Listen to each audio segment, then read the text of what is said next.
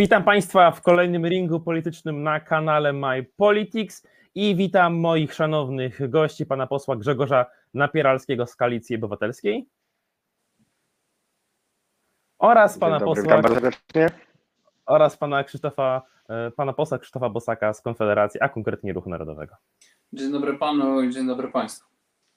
Nasza dzisiejsza debata będzie dotykać ogólnego tematu wizji państwa XXI wieku. Klasycznie będzie podzielona na pięć segmentów, jednak z pewnymi zmianami. Pierwsze trzy segmenty to będą moje pytania dla naszych szanownych gości. Będą mieli oni na odpowiedź 6 minut, które będą podzielone na trzy wypowiedzi po dwie minuty przeplatane przez siebie. Czwarty segment to będzie segment pytań wzajemnych, a piąty segment to będzie segment wolnych wypowiedzi, w których będzie można podsumować debatę, wejść jeszcze w lekką polemikę lub zwrócić się do państwa.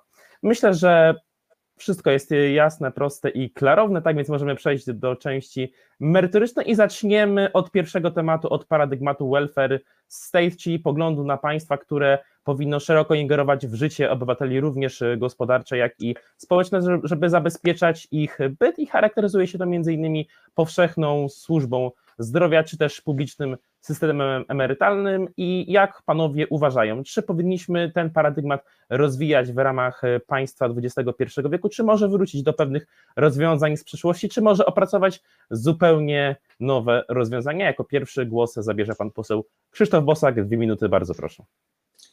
No, zacznijmy od tego, że to nie jest dyskusja zawieszona w próżni, tylko w bardzo konkretnym kontekście. I kontekst naszego państwa jest taki, że jakby nie żyjemy w XIX wieku, gdzie wielu instytucji społecznych jeszcze nie było. Żyjemy właśnie w państwie, które ma zbudowane bardzo wiele polityk publicznych.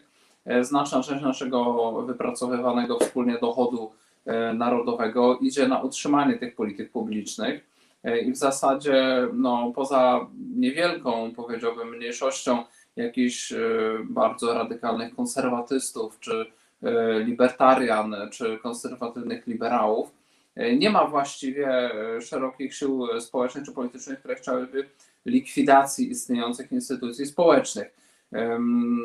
Można co najwyżej zadać sobie pytanie, i moim zdaniem to jest pytanie zasadne, czy chcemy dalej rozszerzać zakres działania państwa, czy może bardziej skupić się na wyhamowaniu tendencji do przejmowania coraz większej części naszych dochodów przez państwo, które to państwo w praktyce swojego funkcjonowania to jest po prostu administracja, administracja rządowa, administracja samorządowa, różne agendy wykonawcze, takie jak Narodowy Fundusz Zdrowia. Czy chcemy te agendy wykonawcze wyposażać w coraz większe kompetencje i w coraz nowsze fundusze? I tu znów muszę to podkreślić, nie jesteśmy w sytuacji neutralnej, takiej, że prawda, powstał nowy pomysł, mm, rozszerzmy kompetencje państwa i przygotowujemy się do referendum, w którym społeczeństwo sobie zdecyduje po jakiejś debacie medialnej, która będzie uczciwa. Przeciwnie, polityka cała jest ustawiona od dziesięcioleci na torach, że jedyną akceptowalną i domyślną opcją jest nieustanne powiększanie wydatków państwa, nieustanne rozszerzenie kompetencji administracji. Ten proces odbywa się w dużej mierze bez żadnej debaty medialnej. Dla przykładu, my na każdym posiedzeniu Sejmu nieustannie głosujemy nowe prawo. I nie jest tak, że to jest poprawianie prawa, to znaczy byśmy w miejsce starego prawa, które uchylamy, uchwalali nowe ustawy. My ciągle głosujemy nowe prawo, pogłębiając stopień komplikowania systemu prawnego. I czym to skutkuje? To skutkuje tym, że jest więcej regulacji, administracja musi w związku z tym zajmować się większą liczbą kwestii, a sądy muszą rozsądzać większą liczbę spraw. I to wynika po pierwsze z samego mechanizmu demokracji, to znaczy demokracja zasadniczo zaprogramowana jest na to, żeby politycy obiecali społeczeństwu, że rozwiążą wszystkie problemy, także te, których wcale nie są w stanie rozwiązać, ale i tak po to, żeby byli wybierani, to muszą udawać, że są. Do tego mamy jeszcze nacisk zewnętrzny Unii Europejskiej. W Brukseli siedzą tysiące urzędników, którzy wymyślają, jak faktyczne, jak również wymyślone problemy rozwiązywać i narzucają oczywiście obowiązek rozwiązywania problemów i wdrażania wymyślonych przez siebie rozwiązań na państwa członkowskie, a państwa członkowskie przerzucają to na administrację, I tu często postawimy kropkę, przekazując głos panu posłowi Napierolskiemu. Bardzo proszę. No to oczywiście różnie się z panem posłem Bosakiem i to chyba nikogo nie dziwi. Znaczy to, co powiedział Czy pan poseł na samym końcu, to, co pan powiedział na samym końcu, panie pośle, jeżeli chodzi o zbyt wiele, wielu urzędów, czy zbyt skomplikowaną administrację, tutaj na pewno znajdziemy wspólny język i możliwość współpracy, bo faktycznie administrację w dzisiejszych czasach można odchudzić i można ją zreformować tak, żeby była bardzo sprawna i bardzo dobrze działała. Natomiast ja uważam, że tak następuje i tak bardzo szybko postępuje mm, postęp cywilizacyjny, że możemy swobodnie rozmawiać o kolejnych politykach społecznych, które będą Polkom i Polakom e, pomagały w życiu codziennym. To, że się rozwijamy, to, że zdobywamy coraz więcej kompetencji, to, że świat się też wokół nas zmienia, to nie znaczy, że mamy się zahamować i nagle gdzieś się cofać, czy sprawdzić, co było kiedyś, do tego wracać. Właśnie nie. Szukajmy tych nowych rozwiązań. Jeżeli możemy jeszcze więcej zainwestować w edukację, edukację od samego początku, od małego dziecka po dorosłego człowieka, który uczy się na studiach i, i dawać mu tą edukację za darmo, wyrównywać te szanse, dlaczego tego nie robić? Jeżeli możemy tak naprawdę budować całkiem sprawny system ochrony zdrowia, Dlaczego tego nie robić? Jeżeli możemy jeszcze więcej tak naprawdę usług wprowadzić do tego, aby chronić nasze zdrowie, prowadzić te, tak nasze życie, abyśmy byli bardzo sprawni, dłużej pracowali, czuli się potrzebni, czuli się zdrowi i silni, dlaczego tego nie robić? Więc ja tutaj absolutnie uważam, że być może takiej debaty publicznej jest za mało faktycznie w parlamencie, no ale to jest tak naprawdę dziś wada tej władzy, że ustawy przychodzą bardzo szybko i po prostu przelatują przynajmniej przez Sejmy e, bardzo, bardzo ekspresowo, ale ja uważam, że tak, że tak trzeba robić. Ja jestem dużym zwolennikiem właśnie rozluźniania tak naprawdę, jeżeli chodzi, czy po, po- polepszania możliwości inwestowania polskim przedsiębiorcom, tak, i ułatwiania im prowadzenia firm. Natomiast z drugiej strony jestem za tym, żebyśmy się tym wszystkim współdzielili, żebyśmy tym, co, co nie mogą sobie w życiu poradzić, po prostu pomagali, tak, bo czas, zawsze będzie taki czas, że ktoś z nas znajdzie się w sytuacji trudniejszej. Dziękuję bardzo i przekazuję głos panu posłowi Bosakowi. Bardzo proszę. No, ja zacząłem od e, opisu e, rzeczywistości, punktów, w którym jesteśmy, bo uważam, że to jest punkt wyjścia do dyskusji. Teraz e, pozwolę sobie ujawnić swoje stanowisko. To znaczy, moje stanowisko jest takie, żeby dalej nie brnąć w tym kierunku. Nie brnąć w tym kierunku, ponieważ uważam, że jest pewna granica rozsądku w oddawaniu rzeczy, które możemy zorganizować w swoim życiu indywidualnie lub jako społeczeństwo, urzędnikom i uważam, że my tą granicę już przekroczyliśmy. I poza tą granicą znika przestrzeń do samoorganizacji społecznej, znika wolność obywatela do gospodarowania swoimi środkami i e, twórczego spożytkowania swojego e, czasu, jaki mamy w życiu, na e, zrobienie czegoś wartościowego dla siebie i dla innych. Natomiast coraz większą część życia człowiek musi poświęcić na zmaganie się z administracją, która mu dostarcza różnego rodzaju dobra za jego pieniądze, których on być może wcale by nie chciał i z których wcale nie jest zadowolony. Y, Standard o, o ochronę zdrowia jest doskonałym przykładem, moim zdaniem. To znaczy, teoretycznie wszystko mamy za darmo, w praktyce z większości niestety rzeczy, albo pod względem terminu dostarczenia, albo jakości, albo sposobu organizacji nie jesteśmy zadowoleni. I dlatego uważam, że musi być, i to jest zasada, która jest wpisana i w traktaty unijne, i w polską konstytucję, którą się niestety nikt nie przyjmuje, musi być respektowana zasada pomocniczości. To znaczy, państwo powinno rozwiązywać te problemy, do których nie są zdolni rozwiązać je obywatele indywidualnie albo w drodze oddolnej organizacji i wykształcenia samodzielnych instytucji.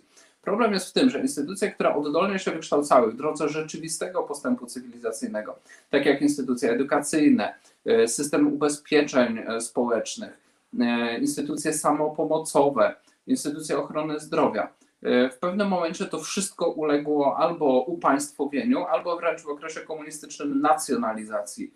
I po okresie komunistycznym zmieniliśmy sobie ustrój na demokratyczny, natomiast nie cofnęliśmy na poziom społeczny znacjonalizowanych instytucji upaństwowionych, tylko zostawiliśmy je już jako element em, aparatu państwa. Był taki trend odwrotny w okresie rządów akcji wyborczej Solidarności, jeżeli chodzi o ochronę zdrowia, to znaczy, żeby wprowadzić wiele konkurujących kas chorych.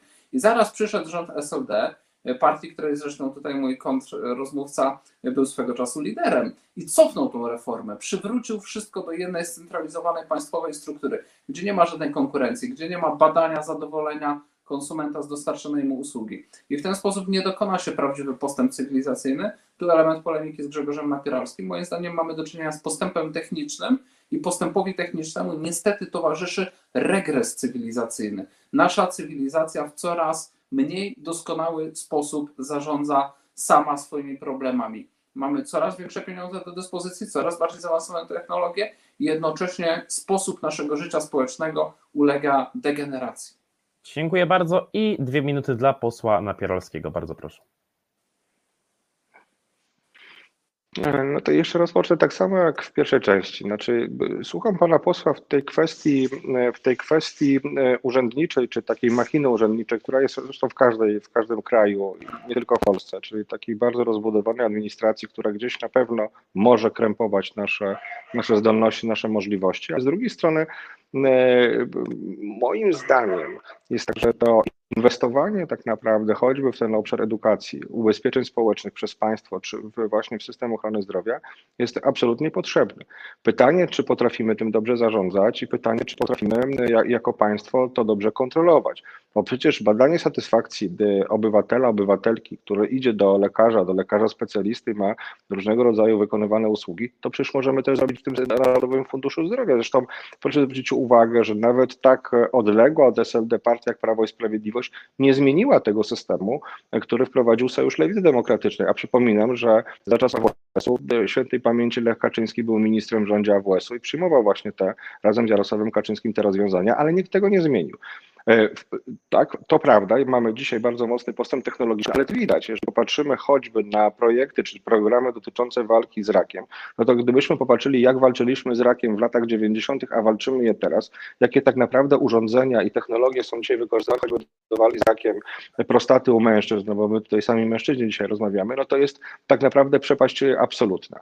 Ja uważam, że jednak nie powinniśmy się jako państwo wycofywać dzisiaj z takiej pomocniczości, dlatego że e, jeżeli ktoś chce coś dzisiaj tworzyć samemu i chce coś budować samemu, to absolutnie ma do tego możliwości i prawo. Jesteśmy dzisiaj e, zaproszeni do takiego programu, który jak widzieliśmy na czołówce sfinansuje się a nikt nie zabronił młodym ludziom, żeby coś takiego zbudowało. Więc jest dzisiaj ta przestrzeń do budowania własnych inicjatyw, własnych bardzo ciekawych przedsięwzięć i nikt nikogo nie ogranicza. Jeżeli mówimy o ograniczeniach, czyli jakichś problemach, to uważam, że to są problemy tylko i wyłącznie wynikające z nadmiennej administracji i może zbyt bardzo takich skomplikowanych procedur, które trzeba po prostu przejść. To z tym tutaj mogę się z panem posłem zgodzić.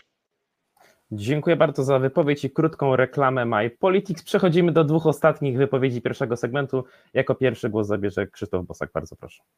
No, nie mogę się zgodzić z tym, że nikt nikogo nie ogranicza, bo to, że po pierwsze ostatni rok to był spektakl, wręcz festiwal różnego rodzaju ograniczeń, także wprowadzanych bezprawnie, jak i ustawowo i chyba naprawdę już po tym trudno powiedzieć, że nikt nikogo nie ogranicza i prawa do zgromadzeń były ograniczane, co również politycy o poglądach lewicowych cierpieli z tego powodu i działalność gospodarcza była bezprawnie ograniczana i tak dalej, i tak dalej. Już Zostawmy to na boku. E, W każdym razie, moim zdaniem, głównym ograniczeniem jest po prostu e, zabranie ludziom ogromnych pieniędzy i ogromnej e, ilości czasu, które oni muszą poświęcać na zmaganie się z instytucjami państwowymi. Jeżeli e, mamy na przykład obowiązek edukacyjny, państwo odbiera obywatelom środki na zapewnienie publicznej edukacji, to jest heroicznym wysiłkiem e, ominięcie tego obowiązku edukacyjnego albo stworzenie alternatywnego systemu edukacyjnego za własne pieniądze. W tej chwili ludzie, którzy posyłają dzieci do szkół prywatnych, płacą za nie dwa razy. To jest opcja tylko dla ludzi dobrze stojących finansowo. Raz płacą w podatkach za publiczny system edukacji, z którego nie chcą korzystać, drugi raz płacą wczesnym e, w sz- w szkołach, gdzie poszły swoje dzieci. Tak samo systemem ochrony zdrowia. Można powiedzieć, że nikt nikomu nie płaci, nie broni zapłacić za to drugi raz i sobie ufundować własny szpital czy własną przychodnię, w której będzie lepszy standard niż w NFZ-cie. No tak, ale pieniądze na publiczny system już tam zostały zabrane. Więc te ograniczenie odbywa się w sposób niewidoczny nieodczuwalny dla obywateli, większości, którzy tego tak nie analizują, jak w tej chwili to przedstawiam. E, Natomiast e, ze statystyki ekonomicznej wynika, że mniej więcej połowa naszego dochodu narodowego jest tam odbierana. E, To jest daleko więcej niż jest potrzebne do utrzymania wojska, policji, dyplomacji. I teraz ja nie uważam, że natychmiast jedyne wyjście to zlikwidować wszystkie polityki państwowe. Nie, natomiast można wprowadzić mechanizmy, które oddawałyby wpływ na wydawanie tych pieniędzy obywatelom, tak żeby mogli korzystać ze swojej wolności i spożytkować swój potencjał w sposób kreatywny i dający im satysfakcję. Więc na przykład bon edukacyjny w e, edukacji, tak? To znaczy rodzic decyduje jaka szkoła i ta część subwencji edukacyjnej, która jest na wychowanie i edukację jego dziecka, on finansuje z, z, te, z tego właśnie szkołę. E, Ochrona zdrowia. Jeżeli ktoś jest niezadowolony ze standardu usług w NFZ-cie, dzielimy to, co ma NFZ przez 30 kilka milionów obywateli, które z tego korzystają i tą jedną 30-milionową mogę wyjść do funduszu, który stworzy mi prywatny ubezpieczyciel i zakontraktuję świadczenia tak, że będę zadowolony. Taki system działa w innych państwach. Dlaczego nie mógłby działać w Polsce? Mógłby. Tylko ma pan rację, rzeczywiście Jarosław Kaczyński nie jest tym zainteresowany, Lewica nie była i tutaj PiS i Lewica podzielają pewien centralistyczny y, pogląd y, o tym, jak organizować państwo. No, to, to jest smutna prawda o naszej polityce. Dziękuję bardzo. I ostatnia wypowiedź pierwszego segmentu dla posła Napieralskiego. Bardzo proszę. No to jest taki bardzo poważny spór ideologiczny dotyczący ile ma być państwa mm, w, w, w naszym życiu, a ile tego państwa ma nie być. No, ja uważam, że jednak e, jest dzisiaj pewna kontrola obywatelek i obywateli nad tym, co się w państwie dzieje, no bo mają potężną broń, a ta broń to jest e, długopis i postawienie krzyżyka przy danej partii czy przy danym nazwisku, e, przy, przy kandydacie na prezydenta choćby Rzeczypospolitej Polskiej. I, i w to jest ta, tak naprawdę, mogą się wypowiedzieć tak naprawdę jak myślą, jak czują i czego by chcieli w Polsce. No więc choćby po tym, co, co mówi pan poseł Bosak, no jednak tylko co dziesiąty dzisiaj Polak bądź Polka myśli podobnie jak pan poseł, poseł Bosak, bo tyle mniej więcej osób na nich głosuje. Więc jakby jest ta Jeszcze dzisiaj powiem, kontrola. że wielu kontrola... Obywatelskich myśli tak jak ja. Tego nie wiem, nie robiłem takich pogłębionych badań, ale gdyby tak myślało, panie pośle, no to by oddało głos na pana, choć w wyborach e, prezydenckich. Miał pan bardzo dobry wynik, gratuluję. Natomiast e, to jeszcze nie, nie, nie pokazało, że duża część Polek i Polaków jednak myśli tak jak pan. Jednak Polki i Polacy raczej wolą ten system, gdzie jednak państwo daje, daje jej poczucie bezpieczeństwa i ochrony, nawet jeśli ona czasami jest ułomna, no to my powinniśmy robić wszystko, żeby, żeby ten system absolutnie poprawiać. System właśnie choćby pomocy e, opieki zdrowotnej, szczególnie dla osób starszych, starszych czy osób ciężko chorych. Zgadzam się z Panem, dzisiaj już któryś raz, e, zgadzam się z Panem, jeżeli chodzi o przepisy wprowadzane e, w czasie pandemii, dlatego że one były wprowadzone. Ja, ja jestem zwolennikiem jednak ograniczania, jeżeli trzeba, dla bezpieczeństwa ludzi, nasze wolności, no bo ta choroba jest tragiczna i zabija ludzi, to widzimy. I to już chyba nie ma nikogo, kto nie miałby wśród bliskich ofiary tego, tego wirusa. Natomiast to, co robił rząd Prawa i Sprawiedliwości, jak wprowadzał te przepisy, że nie było rzetelnej dyskusji, nie było debaty, nie było konsultacji. I tu się zgadzam. To, tak faktycznie było i te wolności były ograniczane tak naprawdę wbrew nam i, nie, i bez konsultacji. A już nie mówię o politykach, ale również konsultacji społecznych, gospodarczych właśnie z przedsiębiorcami. Tak się faktycznie działo. Natomiast no, wszystkie państwa stanęły na tym samym dylematem, czy tutaj te wolności nasze czy też pozwolić wirusowi szaleć i nas po prostu zabijać.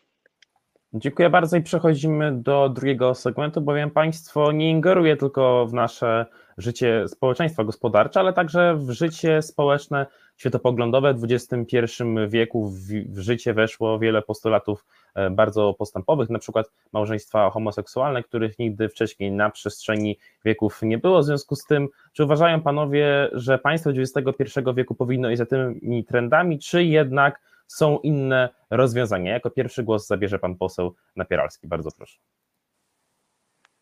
Znaczy ja nie uważam, że, nie, nie uważam, że tutaj państwo, ingeruje. Znaczy jak patrzę choćby na to, co się dzieje w Polsce, to bardziej bym powiedział, że państwo po pierwsze nie ingeruje, a jedno co powinno robić, to raczej bronić wszystkich nas, wszystkich nas, względu na to, jakie mamy poglądy, choćby polityczne, do jakiego kościoła należymy i kogo kochamy bo i kim chcemy być. E, I bo jest duża niestety w Polsce doza nietolerancji, niechęci do ludzi, którzy inaczej myślą niż inni.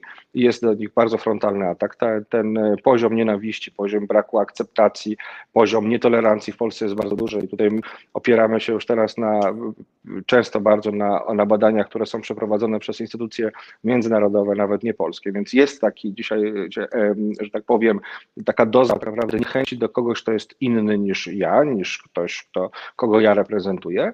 I tutaj państwo raczej nie, nie ingeruje, raczej broni. Znaczy to, że ktoś, no to jest właśnie też takie, taka forma wolności. Jeżeli mężczyzna chce swoje życie związać z mężczyzną, kobieta z kobietą, dlaczego ja mam mu tego zabraniać? Dlaczego oni mają być gorsi od, od nas, tak? Dlaczego oni mają być ci dobrzy, tak? Dlaczego oni nie mogą zawrzeć tego związku? Dlaczego nie mogą razem roz, rozliczać się z podatków? Dlaczego nie mogą odwiedzać się w ciężkiej chorobie w szpitalu.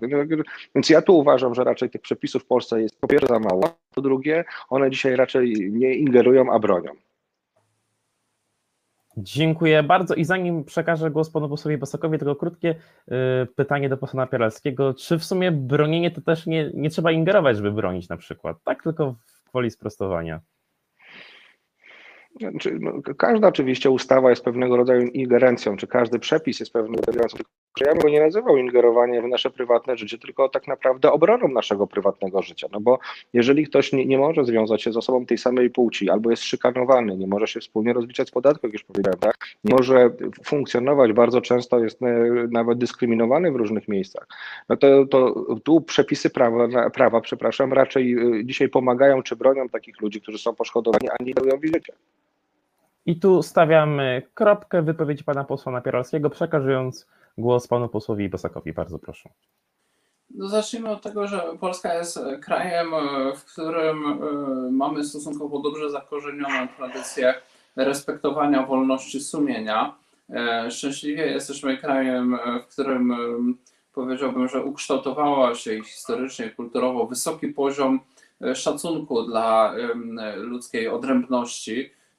Krajem, w którym po prostu można by powiedzieć prawa człowieka stopniowo na coraz wyższy poziom podnoszone i prawny i wpisujące się w naszą kulturę wynikały po prostu z e, chrześcijańskiej kultury naszego narodu i urządzeń społecznych czy instytucji kształtowanych w oparciu o te wartości chrześcijańskie. Także tutaj nie mogę się zgodzić z tym, że nasze państwo w jakiś szczególny sposób e, ingerowało czy ingeruje obecnie w sprawy prywatne i takiej ingerencji jestem przeciwnikiem. To znaczy uważam, że y, taka powiedziałbym rozsądny poziom tolerancji polegający na tym, że kiedy ktoś nie zakłóca porządku społecznego, y, nie wyrządza jakichś zniszczeń, y, nie stwarza zagrożenia dla porządku publicznego, a robi coś, co się innym nie podoba, no to jakby nie ma powodu, no tak długo jak nie mamy prawa, nie ma powodu, żeby się po prostu nim zajmować, nawet jeżeli krytycznie, negatywnie oceniamy, nie wiem, jego E, jakieś konkretne wierzenia, zachowania i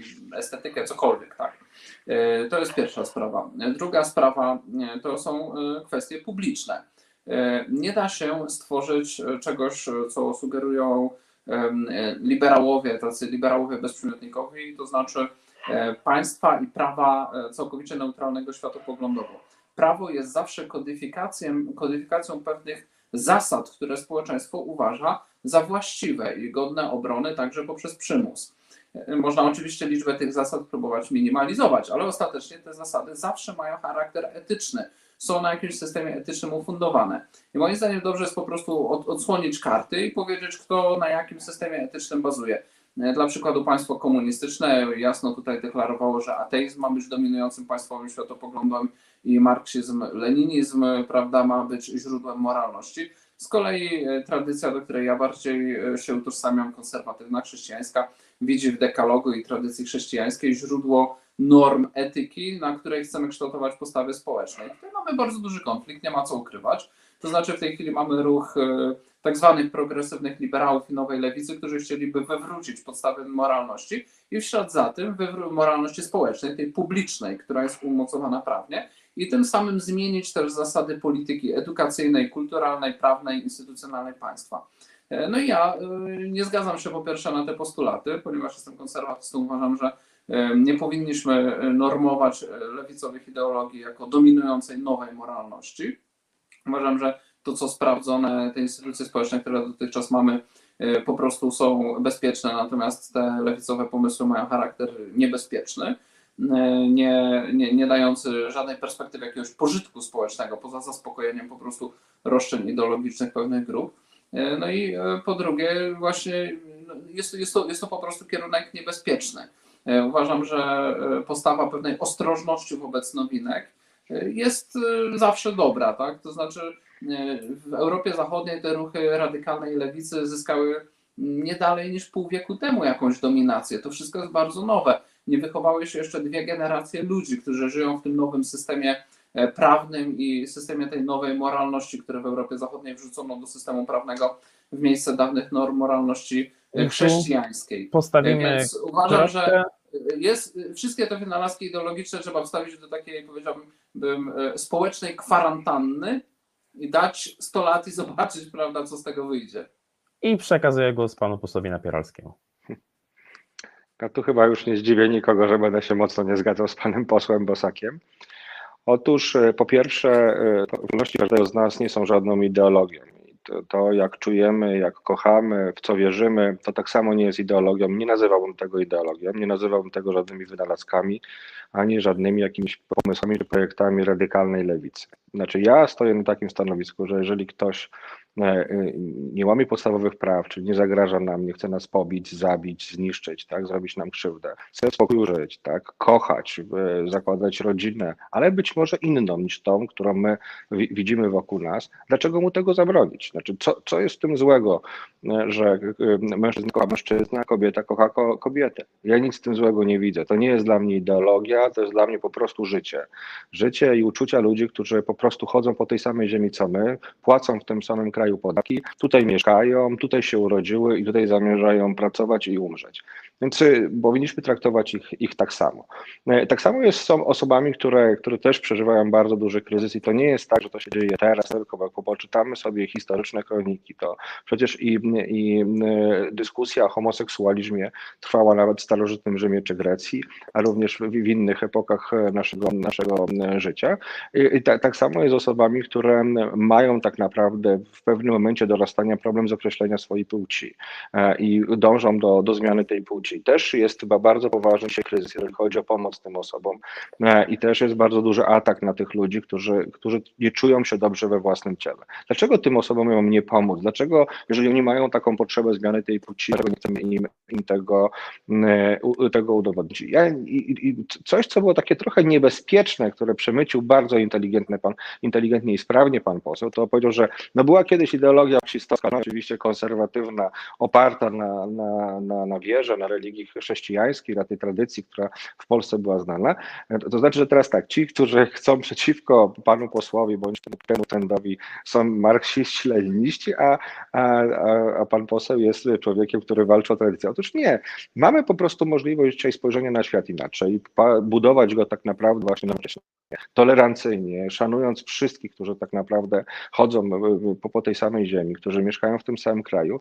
Mamy do tego absolutne prawo. Ja będę tego prawa ludzi bronił. Jeżeli ktoś chce być wyznawcą wiary prawosławnej, chodzi do takiego kościoła, nie chodzi. Jeżeli ktoś chce być e, wyznawcą, czy, czy zapisać się do kościoła, nie wiem, który pochodzi z dalekich krajów e, wschodu, proszę bardzo, to każdy ma absolutnie do tego prawo. Tak? Więc jakby nie chciałbym, żeby żadna religia była dominująca, religia, żeby była sprawą absolutnie taką naszą wewnętrzną, intymną, tak, tylko dla nas, dla mojej rodziny, żebyśmy się mogli skupić, a nie żebyśmy o tym rozmawiali w, z, z ław sejmowych czy z mównic sejmowych w, w, w programach telewizyjnych, bo to nie, nie to miejsce. My powinniśmy się zajmować, jak ulepszać edukację czy ten system zdrowia, o czym rozmawialiśmy na samym początku. Sprawę wiary zostawimy absolutnie ludziom. Dziękuję bardzo i dwie minuty dla pana posła Bosaka, bardzo proszę. To nie jest temat na dwie minuty. E, Jestem zwolennikiem tolerancji religijnej. E, Mamy w Polsce system e, rejestracji wyznań, przypomnę. E, Mamy e, 8 lat rządziła e, Platforma Obywatelska, wcześniej też rządziło przy- 4 lata SLD, do którego pan należał. Nie zlikwidowaliście systemu rejestracji wyznań. Widać, widzieliście w nim wartość. Ja również ją widzę. To znaczy uważam, że jest racjonalne, że państwo rozróżnia duże, rozpoznane, zarejestrowane wyznania, które pod, podlegają i kult podlega pewnej ochronie e, państwowej i prawnej od e, różnego rodzaju sekt, e, e, happeningów e, czy jakichś nurtów nierozpoznanych. E, Przypomnijmy, że mamy też ludzi, którzy występują pod szyldem religijnym po to, żeby czynić innym krzywdę i przemoc. Między innymi mam tu na myśli fundamentalizm religijny, na przykład fundamentalizm muzułmański, pod pretekstem którego e, jest e, prowadzona działalność terrorystyczna. Także tolerancja religijna tak, natomiast naiwność w tych kwestiach i zamykanie oczu na zagrożenia nie. Jeżeli chodzi o konflikt, ja nie przypisuję, że w tej chwili ludzie, którzy mają poglądy nazywane umownie postępowymi, to są wyznawcy marksizmu-leninizmu. Dałem tylko przykład, że PRL był państwem, które jasno deklarowało, na jakiej podstawie etyczno-ideologicznej jest budowane. Współcześnie Unia Europejska i w Europie Zachodniej też jasno deklarują, na czym budują. Budują na tak zwanej liberalnej demokracji, gdzie te wartości liberalne rozumiane są właśnie jako progresywne, w rozumieniu tego liberalizmu amerykańskiego, czyli po prostu takiego, takiej lewicowej liberalności. Yy, Mówi się też o wartościach rewolucji francuskiej i odrzuca się korzenie chrześcijańskie. To jest dość jasna deklaracja. To w Polsce ludzie o poglądach centrowych yy, czy centrolewicowych kluczą w tych kwestiach. Ja uważam, że uczciwie jest odsłonić swoje pozycje ideowe czy ideologiczne, jak zwał, tak zwał, z których się po prostu występuje. Moje pozycje są konserwatywne, są chrześcijańskie, z dużą dozą tolerancji, bo tolerancja jest właściwa chrześcijaństwu, jest właściwa konserwatyzmowi, szacunek dla jednostki jest właściwy konserwatyzmowi. I jak najbardziej jestem za tym, żeby przestrzegać praw wszystkich osób, praw, które obecnie mamy zapisane w Konstytucji, nadane obywatelom. Natomiast to jest zupełnie inny temat od wymyślania nowych praw. I tutaj e, rzeczy, o których Pan powiedział, e, są niebezpieczne. To znaczy m, zmiana płci. Nie jest możliwa zmiana płci w sensie dosłownym. Jest możliwe jakiś rodzaj prawda, terapii hormonalnych i różnego rodzaju operacji, które wprowadzają pewne pozory zmiany płci, natomiast genetycznie człowiek zostaje tym samym człowiekiem. Jego umysł, jego mózg też nie ulega wymianie. Można tylko przejść jakieś terapie psychologiczne, które dają bardzo różny efekt. Są osoby, które y, mówią publicznie o tym, że żałują tego, że zostały zbyt pochopnie skierowane w tym kierunku. W świecie zachodnim ten kierunek osób, które żałują tego, y, zakładają sprawy. Y, Są to procesy nieodwracalne, związane z amputacjami różnych narządów, zmianami, y, zmianami próbą formowania y, jakichś narządów, czy czegoś, co by miało przypominać narządy płci przeciwnej. No to wszystko są w dużej mierze ludzkie dramaty i straszne rzeczy. Jestem przeciwny sprzedawaniu tego jakiegoś słodkiego cukierka czy recepty na pomoc komuś, kto jest w problemach, bo często to nie jest pomoc, tylko jestem przekonany, że w większości przypadków jest to jednak recepta na po prostu pogłębienie problemów. Zapytał Pan, dlaczego mm, ym, y, problem z określeniem, a dlaczego tego zabronić? Otóż y, ja nie jestem y, zwolennikiem, jeżeli chodzi o te kwestie homoseksualne, zabraniania, zabraniania komukolwiek jakichś zachowań. Natomiast czym innym jest zabranianie, a czym innym jest instytucjonalizowanie tego, czego domaga się lewica, czy tak zwani e, progresywiści z tej centrolewicowej części sceny politycznej. To jest instytucjonalizacja i faworyzowanie na poziomie kultury, mediów, języka, e, prawa. Ja e, tego faworyzowania odmawiam z bardzo prostego powodu, e, jak również instytucjonalizacji, nie stoi za tym żadna zbiorowa korzyść społeczna. Rodzina, e, która e, ma e, potencjalnie ze swojej natury dzieci, jest instytucją ekonomiczną, wychowawczą, e, służy temu, żeby społeczeństwo kontynuowało swój byt, tak? Jest do tego niezbędne. Natomiast jakiekolwiek inne relacje ludzkie, e, nie mające charakteru rodziny, nie są niezbędne, w związku z czym nie ma żadnej e, podstawy do tego, żeby obciążać całe społeczeństwo i angażować cały aparat administracyjny w ich instytucjonalizowanie, jakiekolwiek faworyzowanie. Nie ma żadnej o przyczyny do tego, poza jedną, zdanie. a mianowicie chęcią prestiżowego zrównania relacji homoseksualnych z rodziną.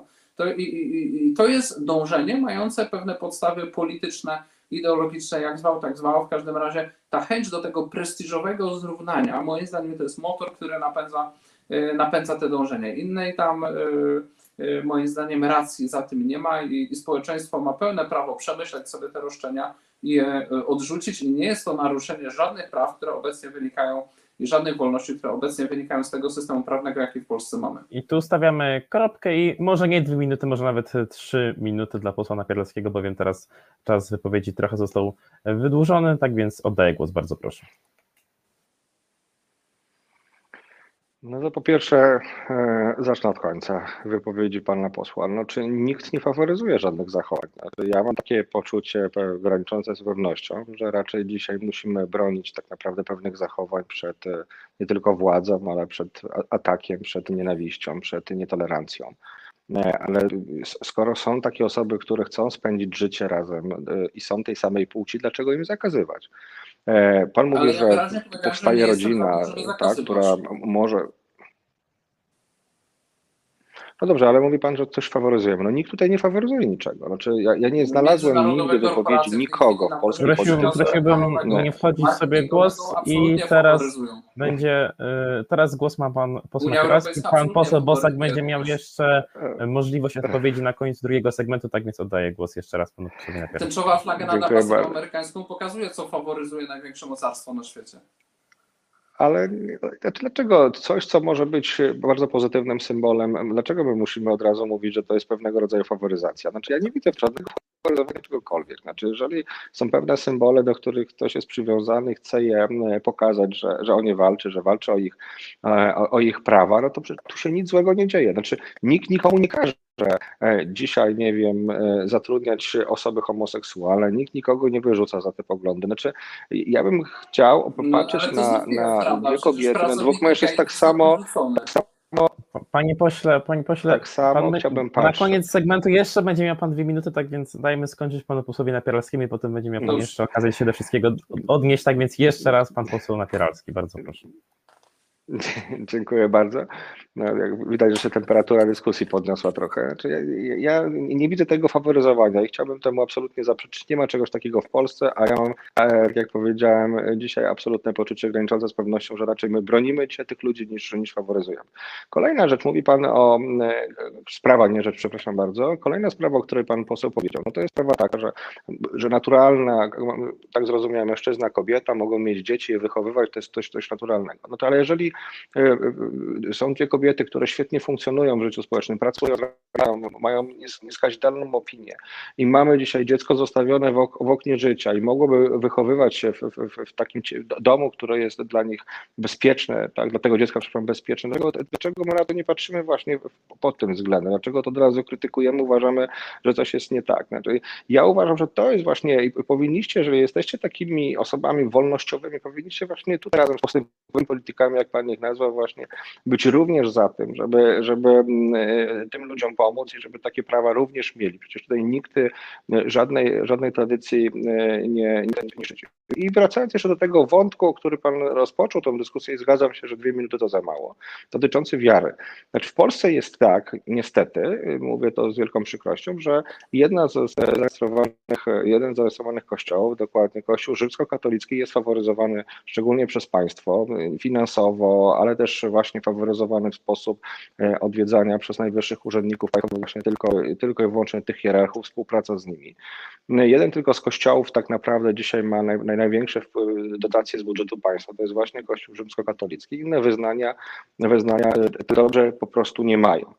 I zgadzam się z panem posłem tutaj, że oczywiście trzeba oddzielić, jeżeli chodzi o wolność religijną. Ja to zawsze mówiłem, bez względu na to, jak ta dyskusja przebiega, zawsze mówię, ten ekstremizm absolutnie religijny, czy też zakładanie związków, o których mało wiemy, które mogą stać się sektami bardzo niebezpiecznymi, em, grupami ludzi. Oczywiście to trzeba kontrolować. Znaczy, e, wiara powinna być sprawą intymną, ale też wiara powinna być zgodna z naszym prawem. Nie może być tak, że jakaś sekta po prostu będzie, będzie tak e, oddziaływała na ludzi, że będzie ich krzywdziła. Więc z tym się absolutnie zgadzam. Tak samo, jeżeli chodzi o ekstremizm prowadzi do terroryzmu, no powinniśmy robić wszystko, żeby tego terroryzmu, tego terroryzmu nie było. Natomiast jeżeli ktoś chce wierzyć, tak mówiąc szczerze, w całkowicie inną wiarę niż wiara rzymskokatolicka, ma do tego prawo. Jeżeli ktoś chce być ateistą, czy w ogóle nie wierzyć w nic, bo uważa, że to jest co- coś, co go nie dotyczy, też ma do tego prawo. Dlatego ja uważam, że wszystkie instytucje państwa powinny być wolne od jakichkolwiek symboli religijnych, czy to e, symboli kościoła rzymskokatolickiego, kościoła nie wiem, prawosławnego,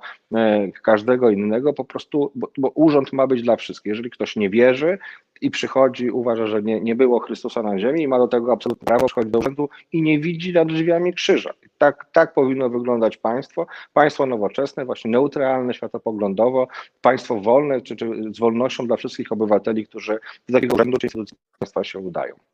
Dziękuję bardzo i ostatnia wypowiedź drugiego segmentu dla pana posła Bosaka, bardzo proszę.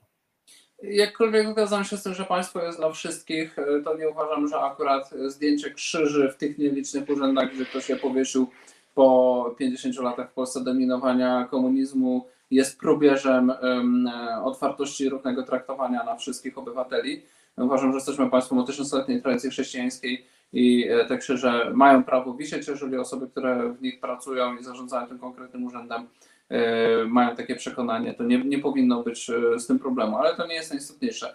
E, Druga rzecz, którą Pan powiedział, to znaczy kwestia uprzywilejowania Kościoła. No po pierwsze, prawo e, jakby dotyczące wyznań mamy w wielu aspektach jednakowe dla różnych wyznań.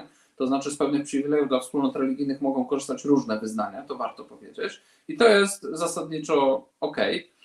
Druga sprawa, jeżeli w jakichś aspektach Kościół jest uprzywilejowany, na przykład w tym aspekcie, że e, jest religia w szkołach, to wynika to z woli rodziców, którzy wychowują swoje dzieci po chrześcijańsku i te dzieci korzystają z religii albo nie korzystają, coraz częściej nie korzystają także. I jest to też wyrazem wolności konkretnych rodzin, konkretnych obywateli. Jeżeli się stanie tak, że y, wiele osób będzie chciało posyłać na jakąś inną religię, no to będą posyłać na inną, czyli na etykę, jak w tej chwili zaproponował Czarnek, to będą posyłać e, na etykę. Także jest to wyrazem pewnej wolności obywateli. E, Natomiast nie uważam, że z programu edukacji powinna być akurat, przepraszam bardzo, e, eliminowana wiedza o religii i, jakby, że, że to powinien być cel sam w sobie. Nie? To znaczy, jeżeli rodzice uważają, że to jest istotne w edukacji ich dzieci, żeby była wiedza o religii, niech ona będzie. E, Dalej, jeżeli jest na jakimś innym poziomie uprzywilejowany Kościół katolicki, to nie jestem, powiem szczerze, tego zwolennikiem, bo uważam, że to Kościół osłabia. E, Kościół silny to Kościół niezależny i bardzo się cieszę, że Kościół, do którego przynależę, czyli Kościół katolicki, jednak trzon swojego finansowania ma od wiernych. To jest bardzo zdrowa sytuacja. Żadnych podatków kościelnych, żadnego uzależniania Kościoła od pieniędzy budżetowych. Już wystarczy uzależnianie od pieniędzy unijnych i samorządów i e, remontu obiektów religijnych. Najlepiej, żeby tego w ogóle nie było. Tak, żeby wspólnoty po prostu e, społeczne, autonomiczne od państwa, były rzeczywiście autonomiczne od państwa. Zasada, powiedziałbym, takiej autonomii wspólnot religijnych i struktur państwowych jest bardzo dobrym pomysłem, bardzo zdrowym. E, i uważam, że każde miejsce, gdzie jest taki link pomiędzy systemem finansów państwa a wspólnotami religijnymi, osłabi finalnie te wspólnoty religijne i sprawi, że prędzej czy później w państwie przejął, przejmą władzę politycy nieprzychylni wspólnotom religijnym i zaczną na różne sposoby próbować się uzależniać czy tłamsić, czego wyrazem był na przykład e, nacisk na Kościół, żeby się angażował w sprawy polityczne, jak na przykład popieranie integracji unijnej albo jakieś inne rzeczy, które nie mają nic wspólnego ze zbawieniem dusz, a bardzo wiele mają wspólnego z projektami ideologiczno-politycznymi promowanymi w całej Europie przez lewicę i siły e, progresywne. Chciałem jeszcze odpowiedzieć na Pańskie pytanie o to, dlaczego, jak odbywa się faworyzowanie osób o poglądach e, lewicowych w sferze obyczajowości, rodzinnej e, kultury, bo odbywa się na bardzo wiele sposobów, łącznie z zamykaniem do więzień osób i pozbawieniem funkcji e, w państwach zachodnich, które mówią rzeczy nie- nieakceptowane przez lewicę, ale widzę, że już się czas skończył, więc nie mam na to czasu. Chciałem jeszcze powiedzieć też, dlaczego nie, i tu jedno zdanie tylko, dlaczego nie powinno być e, adopcji dzieci e, przez pary jednopłciowe, bo jest to sprzeczne z prawami człowieka. Dziecko ma swoją wolność, ma swoją godność, trzeba je szanować i ma prawo do posiadania mamy i taty. Nie możemy decydować dziecko, za dziecko o oddaniu go w e, parze osób tej samej płci, ponieważ jest to sprzeczne z przyrodzonym prawem dziecka do tego, żeby mieć albo ojca i matkę naturalnych, albo ojca i matkę zastępczych. Natomiast para jednopłciowa to jest zupełnie inna historia, to nie jest rodzina, to jest para homoseksualna, ci ludzie mają prawo być chronieni przez prawo przed przemocą, przed jakimś prześladowaniem, natomiast y, dziecko ma swoje przyrodzone prawa i to jest prawo do posiadania ojca i matki, a nie jakiejkolwiek innej konstelacji. Z tych samych powodów byłbym przeciwko oddawaniu także dzieci y, w jakimś y, wspólnotom żyjącym w związkach poligamicznych i jeszcze jakich innych, dlatego że właśnie uważam, że dzieci powinny być chronione. Jak ktoś osiągnie 18 rok życia, będzie chciał sobie iść, prawda, mieszkać w jakiejś komunie, skłocie, e, poligamicznej rodzinie, czy w jakikolwiek inny sposób korzystać ze swojej wolności, niech to robi. Natomiast do momentu osiągnięcia pełnoletności, jako wspólnota, jako społeczeństwo, odpowiadamy za dobro tych dzieci. Musimy je chronić. I Tu chronić prawa. postawimy kropkę w drugim segmencie, przechodząc do segmentu trzeciego, w którym poruszymy tematy bezpieczeństwa i polityki międzynarodowej, ponieważ w XXI wieku to zmieniło się bardzo, ponieważ mamy do czynienia z narastającą globalizacją i pewnymi procesami integracyjnymi nie tylko w Europie. W związku z tym pytanie do panów, jak panowie dbaliby o bezpieczeństwo Polski i Polaków na, czy to na arenie międzynarodowej, czy też e, w ramach e, innych e, powiedzmy działów bezpieczeństwa, na przykład cyberbezpieczeństwa w XXI wieku. Jako pierwszy głos zabierze pan poseł Krzysztof Bosak, bardzo proszę. Ojej, to jest tak strasznie szerokie pytanie, jakie Pan zadał. Nie wiadomo nawet od czego zacząć. No przede wszystkim y, cyberbezpieczeństwo, bezpieczeństwo narodowe. Bezpieczeństwo ma wiele wymiarów. Ym, Uważam, że y, no, no, no kluczowe, jeżeli chodzi o nauki o bezpieczeństwie, no to jest jednak y, ten, ten, ten wymiar siły militarnej, zdolności do obrony przed zewnętrzną agresją. I tutaj ten temat, który jest, jest kluczowy, to jest po prostu modernizacja polskiego wojska. E, to idzie bardzo wolno, bardzo głęboko uzależniamy się od zagranicznych technologii, nad których nie mamy kontroli, nie rozbudowujemy w zadowalającym tempie i na zadowalającym poziomie własnych technologii obronnych. Marzymy, mając ograniczone środki, o posiadaniu uzbrojenia, y, które posiadają najnowocześniej wyposażone państwa na świecie, mając problem z tym, że nie ma dla żołnierzy hełmów albo innych zupełnie podstawowych rzeczy, typu, nie wiem, amunicja dla policji, żeby miała czas szkolić się ze strzelania. Moim zdaniem y, musimy po prostu nadrobić kompletne podstawy, a później iść po szczeblach do góry. Dobrym przykładem, jeżeli chodzi o organizację naszego wojska, jest na przykład zaniedbanie, jeżeli chodzi o lotnictwo transportowe. No nie może być tak, że y, szkolimy nowoczesne wojsko, ale opieramy się, jeżeli chodzi o transport na samolotach sojuszników, no dlatego, że po prostu jesteśmy kompletnie niesamodzielni, to nam zabiera wszelkie pole manewru i tak jest z wieloma innymi sprawami. Także y, jeżeli chodzi o modernizację sił zbrojnych, y, moim zdaniem bardziej rozsądne, czasem bardziej skromne wydatki, ale podkreślające zasadę autonomii. Widać, że te stosunki sojusznicze potrafią się różnie układać, mieć swoją dynamikę. Raz są dobre, raz są złe, a my musimy to, za co zapłacimy, mieć możliwość później serwisować, używać, y, sami decydować o tym, czy to wystartuje, czy wyląduje, a nie że mm, będziemy w każdej decyzji zależni od zewnętrznych central decyzyjnych. To, to, to, to byłaby katastrofa. Jeżeli chodzi o cyberbezpieczeństwo, powiedziałbym y, identycznie, przy czym cyberbezpieczeństwo to jest bardzo szeroki temat. Mm, Moim zdaniem w debacie cyberbezpieczeństwo przez ostatnie lata było głównie analizowane y, z punktu widzenia administracji całych sieci, telekomów, automatyki przemysłowej i bardzo dobrze, bo to są bardzo ważne wyzwania. Natomiast zupełnie zaniedbano po prostu indywidualną ochronę polityków, y, urzędników, którzy korzystają z nowoczesnych technologii, często jak się okazało, w sposób zupełnie beztroski i bardzo się cieszę, że to zaczyna być nadrabiane. Dokładnie dziś otrzymałem telefon z propozycją szkolenia y, już przygotowywaną przez nasze państwo, które reaguje na te wyzwania. Cieszę się z tego powodu i mam nadzieję, że wnioski będą wyciągane i że będziemy szli do przodu, bo to nie są rzeczy, które możemy lekceważyć. Dziękuję bardzo i przekazuję głos panu posłowi Napieralskiemu z pytaniem, czy pan również otrzymał taki telefon. Ja jeszcze nie otrzymałem, ale czekam, czekam cierpliwie. Ale wracając do głównego tematu, to po pierwsze e, bezpieczeństwo naszego kraju to przede wszystkim uczestnictwo w różnego rodzaju sojuszach. Nasza obecność w Unii Europejskiej, nasza obecność w NATO, nasza obecność w krajach Trójkąta Weimarskiego czy Grupy Wyszehradzkiej no, bud- buduje tak naprawdę bardzo wiele sojuszy i poczucie pewnego bezpieczeństwa, ale też nie tylko poczucie, ale już tak naprawdę poważne. Poważny taki system, który buduje relacje między państwami i powoduje, że te państwa są silniejsze razem i są mocniejsze wobec ewentualnego przeciwnika, jak to się nazywa, państwa złego, państwa, które może być agresorem, które są, jest, jest tak określane na świecie. E, Będąc w NATO, no jesteśmy w największym militarnym pakcie na świecie, najbardziej zmodernizowanym technologicznie, najbardziej nowoczesnym i najsilniejszym chyba, który może prowadzić, prowadzić wojny. Zresztą z armią czy, poszczególnych państw, które są nie tylko przećwiczone na, na poligonach, ale również w, w starciach takich wojennych, gdzie uczestniczyły, tak, choćby w Iraku, czy, czy w Afganistanie, czy w innych miejscach. To, to, to, jest, to jest pierwsze. Drugie, tutaj różnię się z panem e, posłem Bosakiem, dlatego że m, ja jestem zwolennikiem inwestowania też w technologię, jeżeli chodzi o naszą armię, ale to inwestowania takiego, czy wydawania tak pieniędzy, one później służyły również m, w naszym, w naszym gospodarce cywilnej czy nauce, tak żeby służyły cywilom. Dobrym przykładem jest to Izrael, który wykorzystał inwestycje na przykład Amerykanów czy pomoc Amerykanów, jeżeli chodzi o militarne uzbrojenie tego państwa i wykorzystało bardzo, jest dzisiaj stało się z jednym z wiodących państw, jeżeli chodzi o nowe technologie.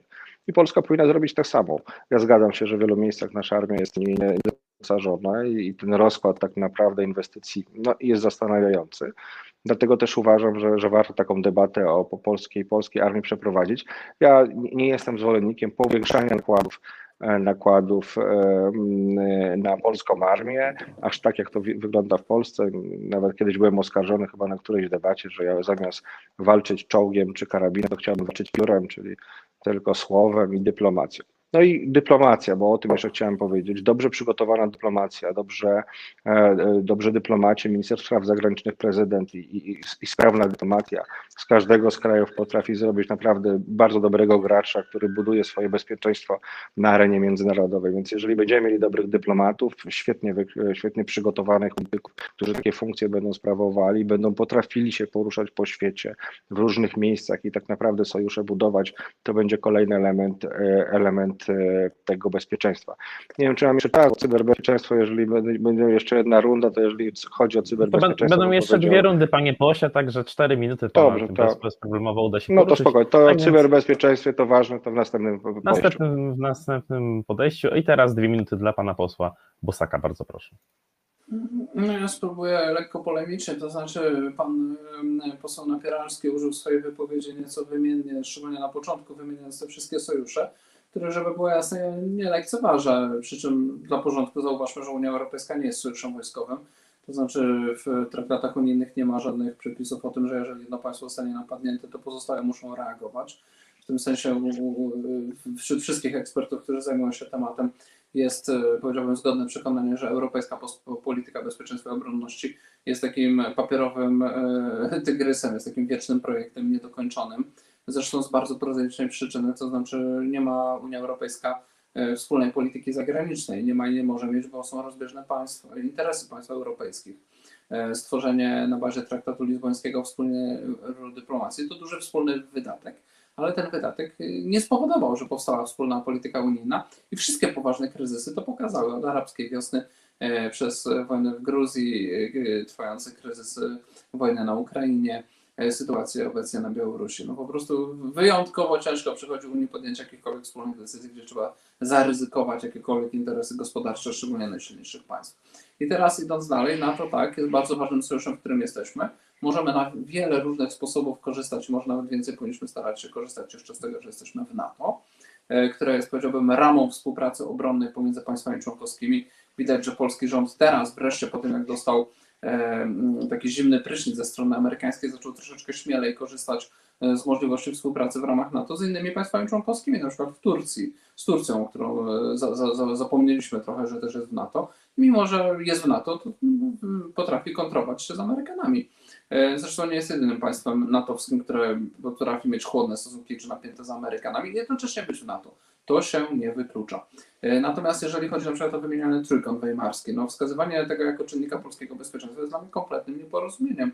Trójkąt weimarski to format współpracy z Niemcami, a Niemcy dokładnie to, co w tej chwili robią, to właśnie obniżają nasze bezpieczeństwo, kończąc Nord Stream 2 e, z Rosjanami. I już zostawiając na boku aspekt gospodarczy, to znaczy, że Nord Stream jest projektem, który może umożliwić e, Rosjanom podyktowanie nam wyższych cen za gaz, którego będziemy potrzebowali, bo pod presją Niemców i Unii Europejskiej wychodzimy z węgla, a nie zbudujemy na czas energetyki ani odnawialnej wystarczającym, bo to niemożliwe, ani atomowej, bo nie zdążymy, więc będziemy musieli kupować gaz, więc Rosjanie będą mogli nam podyktować dowolnie wysokie ceny. To jeszcze jest drugi aspekt, e, a mianowicie taki, że kiedy przesył gazu nie idzie przez Polskę, to strategicznie, z punktu widzenia rosyjskiej strategii, e, Polska może być terenem konfliktu e, i jednocześnie niezakłócone e, dostawy gazu mogą iść do Europy Zachodniej. To obniża nasze bezpieczeństwo strategiczne. Nie jest to czysto teoretyczny wariant. Wystarczy przeanalizować e, okoliczności konfliktu w Gruzji, e, żeby zobaczyć, że jak najbardziej dla Rosjan e, takie e, połączenia, powiedziałbym, e, logistyki energetycznej i e, używania sił zbrojnych nie są niczym nadzwyczajnym. W związku z czym Niemcy w tej chwili obniżają nasz poziom bezpieczeństwa, prąc od wielu lat do skończenia projektu z Rosją, państwem, które oficjalnie NATO ma na liście swoich wrogów. No to czy, czy, czy to jest podwyższanie czy obniżanie bezpieczeństwa? Bardzo mamy tutaj tych partnerów, I tu powiedziałbym. Stawiamy kropkę, przekazując głos panu posłowi Napieralskiemu. Bardzo proszę.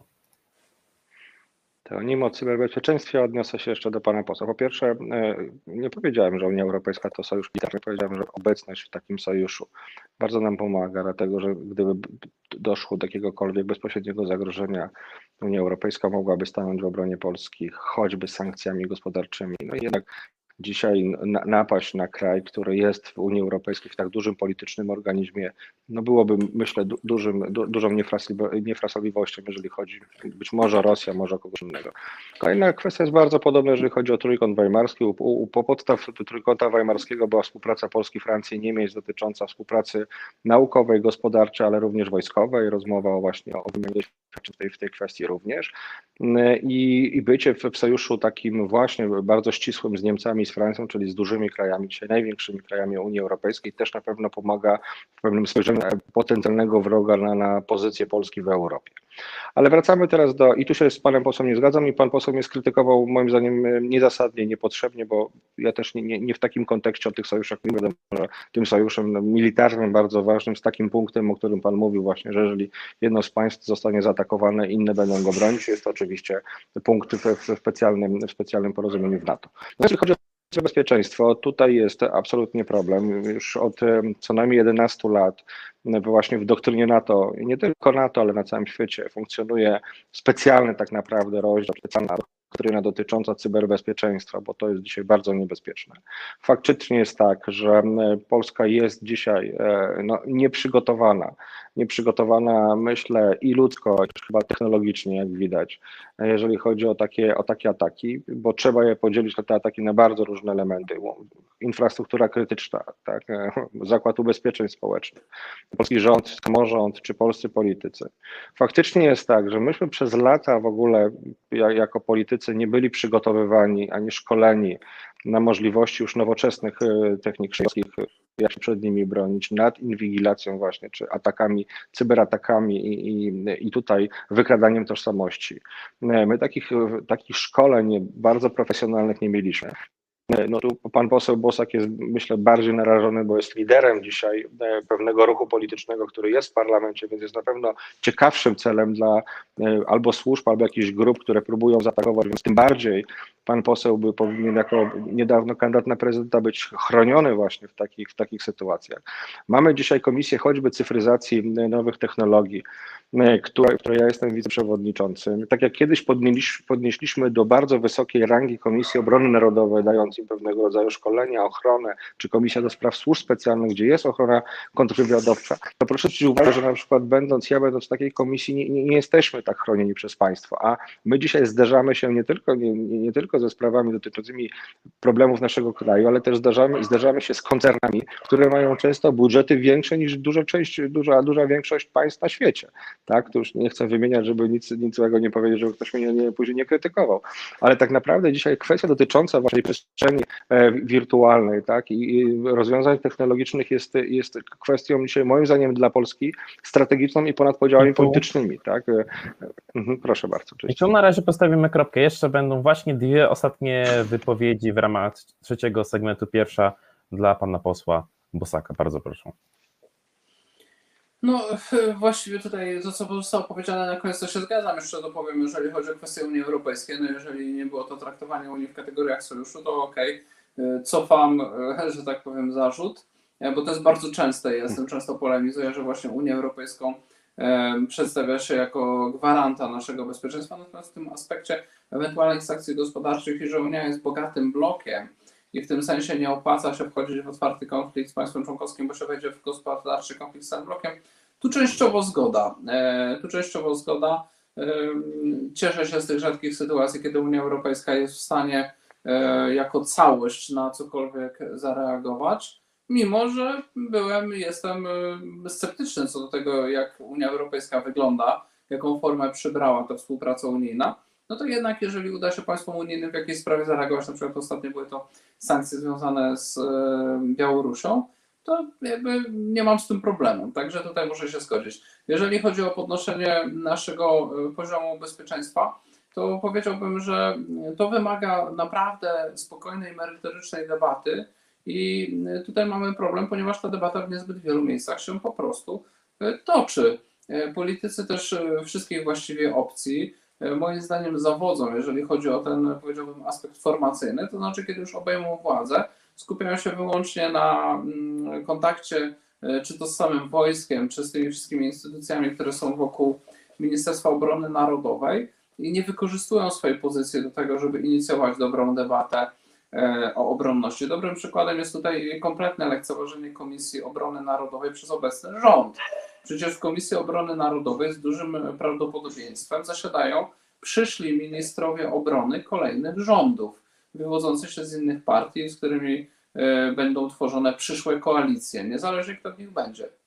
Tak to po prostu jest. Więc obecny rząd, lekceważąc Komisję Obrony Narodowej, lekceważąc jakąkolwiek e, zdrową debatę polityczną, czy obrażając się za krytykę, która ten rząd spotyka, i tylko z powodu tego własnego próżnego poczucia e, obrazy, e, odmawiając dyskusji, po prostu obniża poziom bezpieczeństwa naszego państwa. Tak to trzeba określić wprost. Dokładnie tym to jest. Zresztą nawet w ramach tego rządu widać dyskontynuację. Tak? To znaczy najpierw mieliśmy wychwalanie pod niebiosa ministra Macierewicza, po czym okazało się, że minister Macierewicz już jest passé, pojawił się minister Błaszczak i nie była tylko zmiana ministra, ale była także czystka w spółkach, w jakichś instytucjach zależnych i tak dalej. Więc to pokazuje, że w ramach tego rządu także nie ma zaufania nawet do własnych ludzi, co po prostu fatalnie świadczy o tym całym systemie, jak on jest zbudowany. I drobny przykład, y, Komisja Obrony Narodowej, jeżeli chodzi o najpoważniejszy zakup obronny, czyli y, myśliwce F-35, co do których są ogromne wątpliwości, czy jest to racjonalny zakup.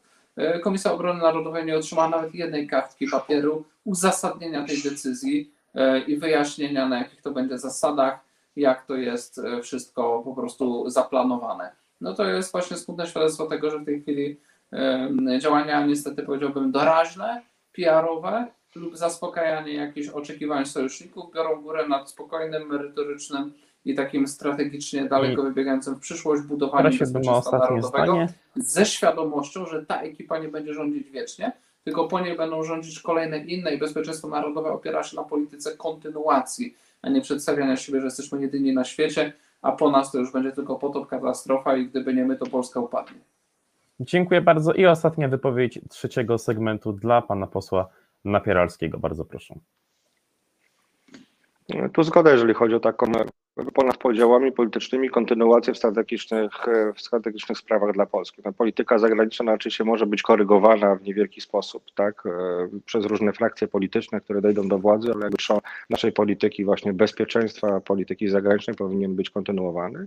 Zgadzam się z tym, ja też o to wielokrotnie postulowałem, nie tylko na mównicy sejmowej, w programach telewizyjnych, żeby właśnie w tych kluczowych takich tematach e, właśnie kontynuować tą współpracę pomiędzy partiami politycznymi jakby dostarczać tej wiedzy na, na bieżąco właśnie na komisjach sejmowych, tak? I, I dlatego też dzisiaj przy całej tej aferze z cyber, cyberakami, wykrada, wykradaniem wiadomości poszczególnym ministrom, właśnie wspomniałem o, o, o komisji sejmowej, w której ja zasiadam, tak? Gdzie, gdzie można swobodnie wymieniać tą, tą wiedzę, informacje, gdzie można też posłów przygotowywać do tego, do tego, żeby, żeby, czy inaczej prosić posłów, żeby oni właśnie własne doświadczenie, własną wiedzę przekazywali również rządzącym. Od, odrobinę e, poseł, dzisiaj, a wcześniej minister Marek Zagórski próbował to robić, no ale tutaj jakby główne władze PiSu jakby ograniczały tą współpracę opozycji, opozycji z rządzącymi. A wiemy bardzo dokładnie, tak jak kiedyś broniliśmy naszych granic i kupowaliśmy sprzęt wojskowy, były pobory do wojska, tak dzisiaj oprócz tego my musimy mieć najlepszych informatyków, musimy mieć cały system ochrony naszego państwa. Bo wyobraźmy sobie, że ktoś zaatakuje, już powiedziałem tak pokrótce, choćby Zakład Ubezpieczeń Społecznych i wyparują wszystkie nasze emerytury, albo zaatakuje jakąś elektrownię, bądź zaatakuje jakiś ważny urząd centralny co wtedy? Więc musimy być tutaj bardzo dobrze przygotowani na ewentualny, ewentualny atak. No i oczywiście musimy być też e, ochronieni, szczególnie w tej przestrzeni cyfrowej i, w, tej, w tej wirtualnej, żeby nikt nie próbował podsuwać fałszywych treści, żeby nikt nie próbował budować nowej tożsamości, a potem nas szantażować, bo, bo to są naprawdę bardzo niebezpieczne sytuacje. Ja byłem na takim spotkaniu, gdzie ktoś mi opowiadał, że na przykład dzisiaj ci hakerzy, czy ci, którzy włamują się do, do różnych instytucji, włamują się na przykład do banku i, po, i dokładnie informują ten bank, co mogą zrobić i wyłudzają od nich olbrzymie pieniądze, żeby nie zawalił się system bankowy. Tak? Oczywiście dzieje to wszystko się po cichu, tak, żeby nikt nie wiedział, żeby wszyscy czuli się bezpiecznie. Więc ten system ochrony cyberbezpieczeństwa, tak, czy system ochrony przed hakerami musi być bardzo, bardzo dzisiaj dobrze, dobrze przygotowany i zbudowany ponad podziałami politycznymi. Tutaj nie ma miejsca na, na jakieś próby gier politycznych, które dzisiaj wykonuje rząd polski. Bardzo ubolewam nad tym, że tak się dzieje. Dziękuję bardzo i tym samym kończymy trzeci segment debaty, przechodząc do czwartego, który jest segmentem pytania wzajemnego. Jako pierwszy pytanie zada pan poseł Grzegorz Napieralski. Bardzo proszę. A mogę pytać tylko, ile mamy jeszcze tych pytań? Czy to będzie jedno tylko pytanie? To będzie jedno pytanie. Może kiedyś rozszerzymy ten segment, ale na razie jedno. Bardzo proszę. Dobrze, ja w takim razie, jak jest tylko jedno, ja bym do pana posła wrócił do tych wolności obywatelskich, bo bardzo mnie to, ta, zresztą to było widać w tej dyskusji, tak jak trzymaliśmy taki dobry dystans, to tutaj jednak temperatura była wyższa. Chciałem zapytać właśnie o o tą, o tą, nie wiem czy to niechęć, nie chciałbym tutaj obrazić pana posła, ale jednak o inne spojrzenie, jeżeli chodzi o, o, o właśnie pary homoseksualne, które nie powinny mieć takich samych praw jak, e, jak właśnie małżeństwo, dlaczego nie mogą wspólnie się rozliczać z podatków, dlaczego nie mogą się odwiedzać w szpitalach, dlaczego nie może to być usankcjonowanie prawnie? I dlaczego, jeżeli byłaby taka sytuacja, bo proces adopcyjny w Polsce jest bardzo skomplikowany, a myślę też jeden z najlepszych, jeżeli chodzi o dobór rodziców, dlaczego, jeżeli mamy dziecko pozostawione, porzucone przez rodziców, albo by nawet była próba zabójstwa takiego dziecka, dlaczego, jeżeli miałoby dom, dom bogaty, dom spokojny, dom bezpieczny nie mogłoby się rozwijać, chodzić do dobrej szkoły, mieć opaki, opiekę dwójki dzieci. Zacznę, żeby mi nie uciekło od ostatniej rzeczy. Yy, Jeszcze raz to podkreślę. Dziecko z, z, z natury rzeczy. yy, Jestem przekonany, że istnieje pewien porządek rzeczy, istnieje prawo naturalne, istnieje pewna natura ludzka, która jest niezmienna. Nie jest kwestią wyłącznie jakichś płynnych konwencji społecznych. Yy, Istnieje też obiektywna moralność, jestem do, do tego przekonany. Yy, I yy, kwestią zarówno właśnie prawa naturalnego, jak i naturalnej, obiektywnej e, moralności jest właśnie to, iż dziecko powinno wychowywać się w rodzinie, mieć tatę i mamę, ojca i matkę. Wszelkie inne sytuacje, ewentualnie, no wiadomo, jako społeczeństwo, jeżeli nie ma tej rodziny, zapewniamy te placówki opiekuńcze jak domy dziecka i tu powinniśmy czuwać nad tym, żeby, czy rodziny zastępcze, żeby one były jak najlepsze. Natomiast para homoseksualna, jakkolwiek ci ludzie prywatnie mogą być super ludźmi, naprawdę świetnymi, wspaniałymi, po prostu nie jest rodziną. W związku z czym jestem przekonany, że nie mamy prawa oddać dziecka takiej e, parze ze względu na to właśnie, że ona nie jest rodziną. I to nie jest kwestia tego, czy ci ludzie są fajni, czy oni są dobrzy. To jest po prostu sprzeczne z tym, że dziecko powinno wychowywać się w rodzinie. Moim zdaniem nie możemy tworzyć sytuacji pewnego zakłamania. Sytuacja, w której dwie osoby tej samej płci żyjące w pożyciu homoseksualnym próbują w pewien sposób udawać rodzinę. Y, Nie będą w stanie dobrze tej roli spełnić, dlatego że rodzina składa się z taty i mamy pary osób, które y, mają, są, są komplementarne pod względem swoich cech, y, natomiast są różne. I dynamika życia rodzinnego opiera się właśnie na dwóch osobach różnej płci, które różnią się pod sobą i fizycznie, przed sobą i fizycznie, między sobą, różnią się i fizycznie, i psychicznie. I, dy, i ta dynamika z tych różnic wynikająca i wzajemnej miłości pomiędzy nimi to jest rodzina. Pomiędzy osobami y, żyjącymi w pożyciu homoseksualnym może być y, przywiązanie, może być pewien y, rodzaj y, y, uczucia, którym one się darzą, y, miłości. Tak to być, ale to nie jest rodzina. To nie jest rodzina i to nie są wzorce osobowe ojca i matki, mężczyzny i kobiety. Dziecko, żeby się dobrze rozwijać, dlaczego właśnie ma ojca i matkę? Po to, że niezależnie czy jest chłopcem czy dziewczynką, dostaje dwa wzorce osobowe. Różne mogą być, bo różne są rodziny, ale są to dwa różniące się wzorce osobowe. Natomiast dostarczenie dwóch identycznych wzorców osobowych i to osób, które są ze sobą w pożyciu homoseksualnym, po prostu to nie jest rodzina. I dlatego uważam, że nie mamy prawa. Uważam, że byłoby krzywdą dla dziecka y, wprowadzenie go na wiele lat jego okresu formacyjnego w sytuację takiego zautoryzowanego przez społeczeństwo kłamstwa, że właśnie to, co otrzymało ta para, to jest, mm, e, to jest właśnie to, to jest właśnie rodzina, kiedy ona nie jest. E, Jeszcze była druga część pańskiego pytania. E, W tej chwili, jeżeli może mi pan jeszcze ją przypomnieć, żebym odpowiedział. Poza- Parę, parę homoseksualną, wspólne żeby miała takie rozliczanie. same prawa. Tu, tu, tu jest odpowiedź podobna. Uważam, że te przywileje społeczne, które ma rodzina, są przynależne rodzinie. E, Natomiast jest pewna, moim zdaniem, sfera e, jakby ułatwień, które powinny przysługiwać e, osobom e, bliskim, niezależnie od tego, e, czy kogoś wyłączy koleżeństwo, dalekie pokrewieństwo, związki biznesowe, e, chwilowa pomoc, czy relacje erotyczne. Państwo powinno być na to ślepe. I na przykład, jeżeli chodzi właśnie o kwestię odwiedzania się szpitalu, uważam, że każdy powinien mieć prawo, i nie wiem, czy nawet już w tej chwili nie ma, upoważnić osoby, które uważa za stosowne ze względów życiowych. Ktoś z kimś wynajmuje jeden z drugim mieszkanie, trafi do szpitala, para studentów, prawda? Yy, powinien mieć tak samo prawo się upoważnić, że jak się drugiemu coś stanie, to ten może wystąpić w jego imieniu, yy, czy, czy mu w jakikolwiek sposób pomagać, coś tam przynosić, co trzeba dowiedzieć się o stan zdrowia. To, powi- to, to nie powinno mieć żadnego związku z seksualnością. Natomiast prawo przewiduje pewne instytucje, które są domyślne i w ramach najbliższej rodziny domyślnie to powinno być, natomiast w innym wypadku powinno być po prostu na podstawie pisemnego upoważnienia czy dopisania do jakiegoś rejestru i już. Natomiast e, przywileje e, finansowe, wspólne rozliczanie, no czemu służy wspólne rozliczanie? Ulgom podatkowym, czyli faworyzowaniu finansowemu. A czemu służy faworyzowanie finansowe? Obniżeniu kosztów wychowania dzieci, bo dzieci są potrzebne do tego, żeby społeczeństwo trwało, żeby istniało. Ci, którzy posiadają dzieci, ponoszą niewspółmiernie większe koszty od tych, którzy nie posiadają, a całe społeczeństwo na tym korzysta. No więc naturalną rzeczą jest, że rodzinie robi się pewne ułatwienia, a też i rodzina jest super podatnikiem z punktu widzenia ekonomicznego, bo konsumuje znacznie więcej w związku z wychowaniem i opieką nad dziećmi. Więc tutaj jest pewna racja społeczna za tymi e, ulgami czy rozliczeniami. Natomiast w przypadku e, par osób tej samej płci tej racji nie ma. No i e, nie ma co się obrażać na rzeczywistość. Nie, nie, nie jest w mojej ocenie to żadną formą dyskryminacji. jak to pró- próbują przedstawiać, dlatego że nie można mówić o dyskryminacji tam, gdzie są jakieś dwie rzeczy różne jakościowo.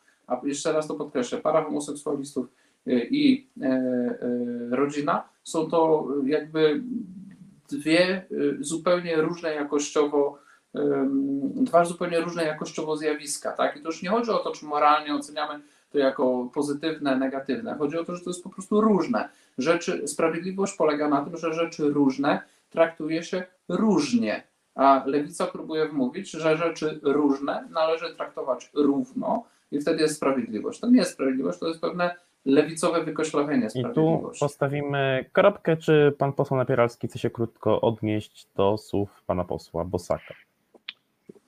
Jeżeli, jeżeli mogę, to oczywiście, y, bo oczywiście nie, nie zgadzam się z wypowiedzią, ale dwie rzeczy mnie trochę tak y, ubodły. Po pierwsze, e, o tym wychowaniu, o tym pewnym modelu rodziny. Znaczy, na dole, mieliśmy taką dyskusję na ten temat i poprosiłem o dane dotyczące wychowania dzieci. Czy w Polsce jest w ogóle coś takiego jak wychowanie przez dwie osoby tej samej płci? Otóż, panie pośle, jest.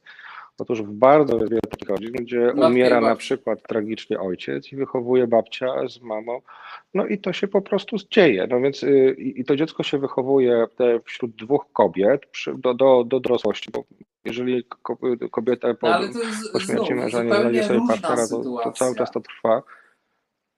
Babcia w No, jest różna, bo ma mamy dwa, rolę. ma, ma, jest dwa takie, no ale to są takie dwa same wzorce, to, to są dwie kobiety. No i ostatnia rzecz, o której pan mówił, czyli kwestia.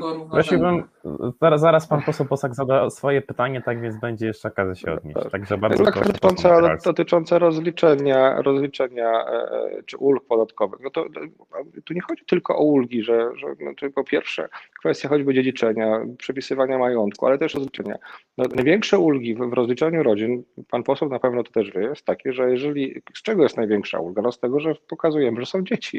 I wtedy jest ta największa ulga, mamy te zwroty, o ile są te zwroty podatkowe czy mniejsze, mniejsze podatki płacimy. Natomiast dlaczego te osoby, które równie pracują, płacą podatki, budują nasz kapitał, tak, budują nasz, nasz kraj, dlaczego one nie mogą wspólnie nie mieć tego samego poczucia, właśnie założyć właśnie swój związek i być równoprawnymi uczestnikami naszego życia? Z tym się absolutnie nie zgadzam. I to tu stawiamy kropkę pan- i teraz, Ja, ja teraz tylko jedno zdanie. Jeżeli chce pan iść w tym zdanie kierunku, pytanie. to proszę dać ten postulat niezależnie od kwestii seksualnych. To znaczy, żeby każde dwie dowolne osoby mogły się wspólnie rozliczać i sobie z tego korzystać. Dlaczego nie? Jeżeli dwóch studentów wynajmuje wspólnie Ale- ale tak- i chcą tak, się tak, wspólnie ale oczywiście, pani- dlaczego nie?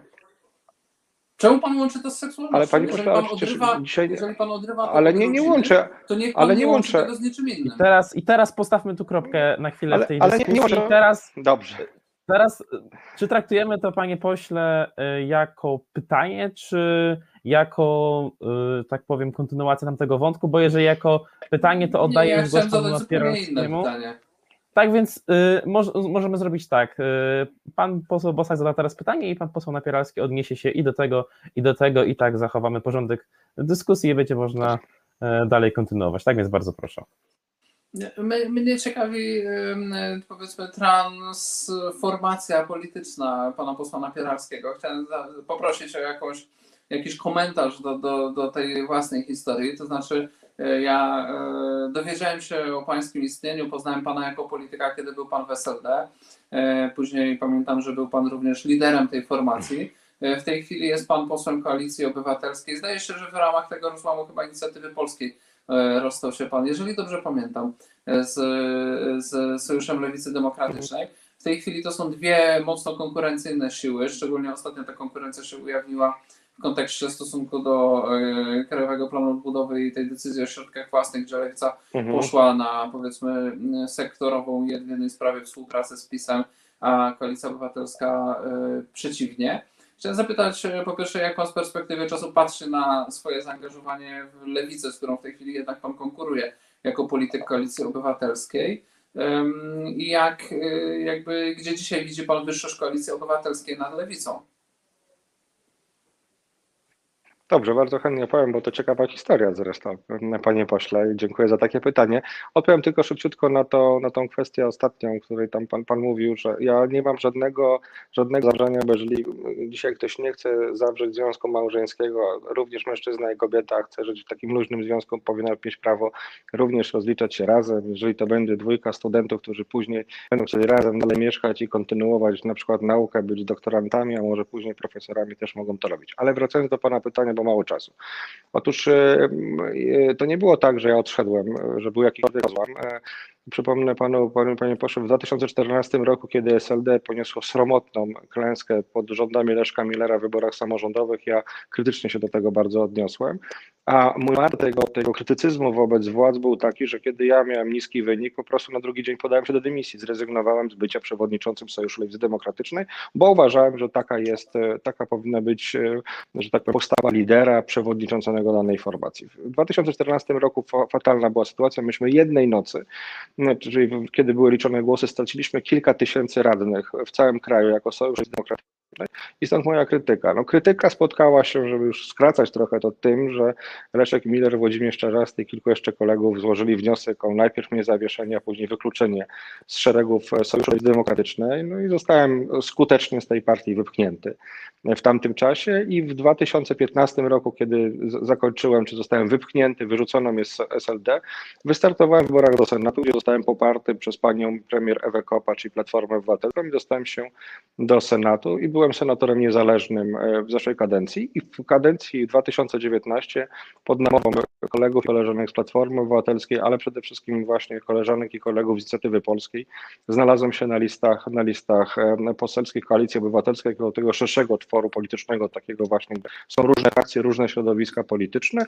Nie walczyłem tam o jakieś wysokie miejsce czy jakieś liderskie miejsce, byłem na miejscu szóstym i z tego miejsca również zdobyłem mandat poselski. Tak dzisiaj jestem w klubie Koalicji Obywatelskiej. Wielu przyjaciół w Sojuszu Lewicy Demokratycznej mam z kolegami, koleżankami, którzy dzisiaj ważne funkcje w klubie, e, e, że tak powiem, pełnią. Mamy dalej przyjacielskie stosunki, ale dziwię się często do, do ich podejścia, również do, do planu odbudowy, bo mogliśmy tutaj wspólnie tak naprawdę razem z wszyscy e, z rządem naprawdę bardzo mocno negocjować i stworzyć jeszcze lepszy projekt tak naprawdę, który wysłalibyśmy do Brukseli i tutaj byłem krytyczny i stąd też ten, ten, ta konkurencja dzisiaj absolutnie mnie nie boli, bo ja myślałbym tak samo jak na przykład poseł Rozenek, który również był krytyczny w klubie Lewicy.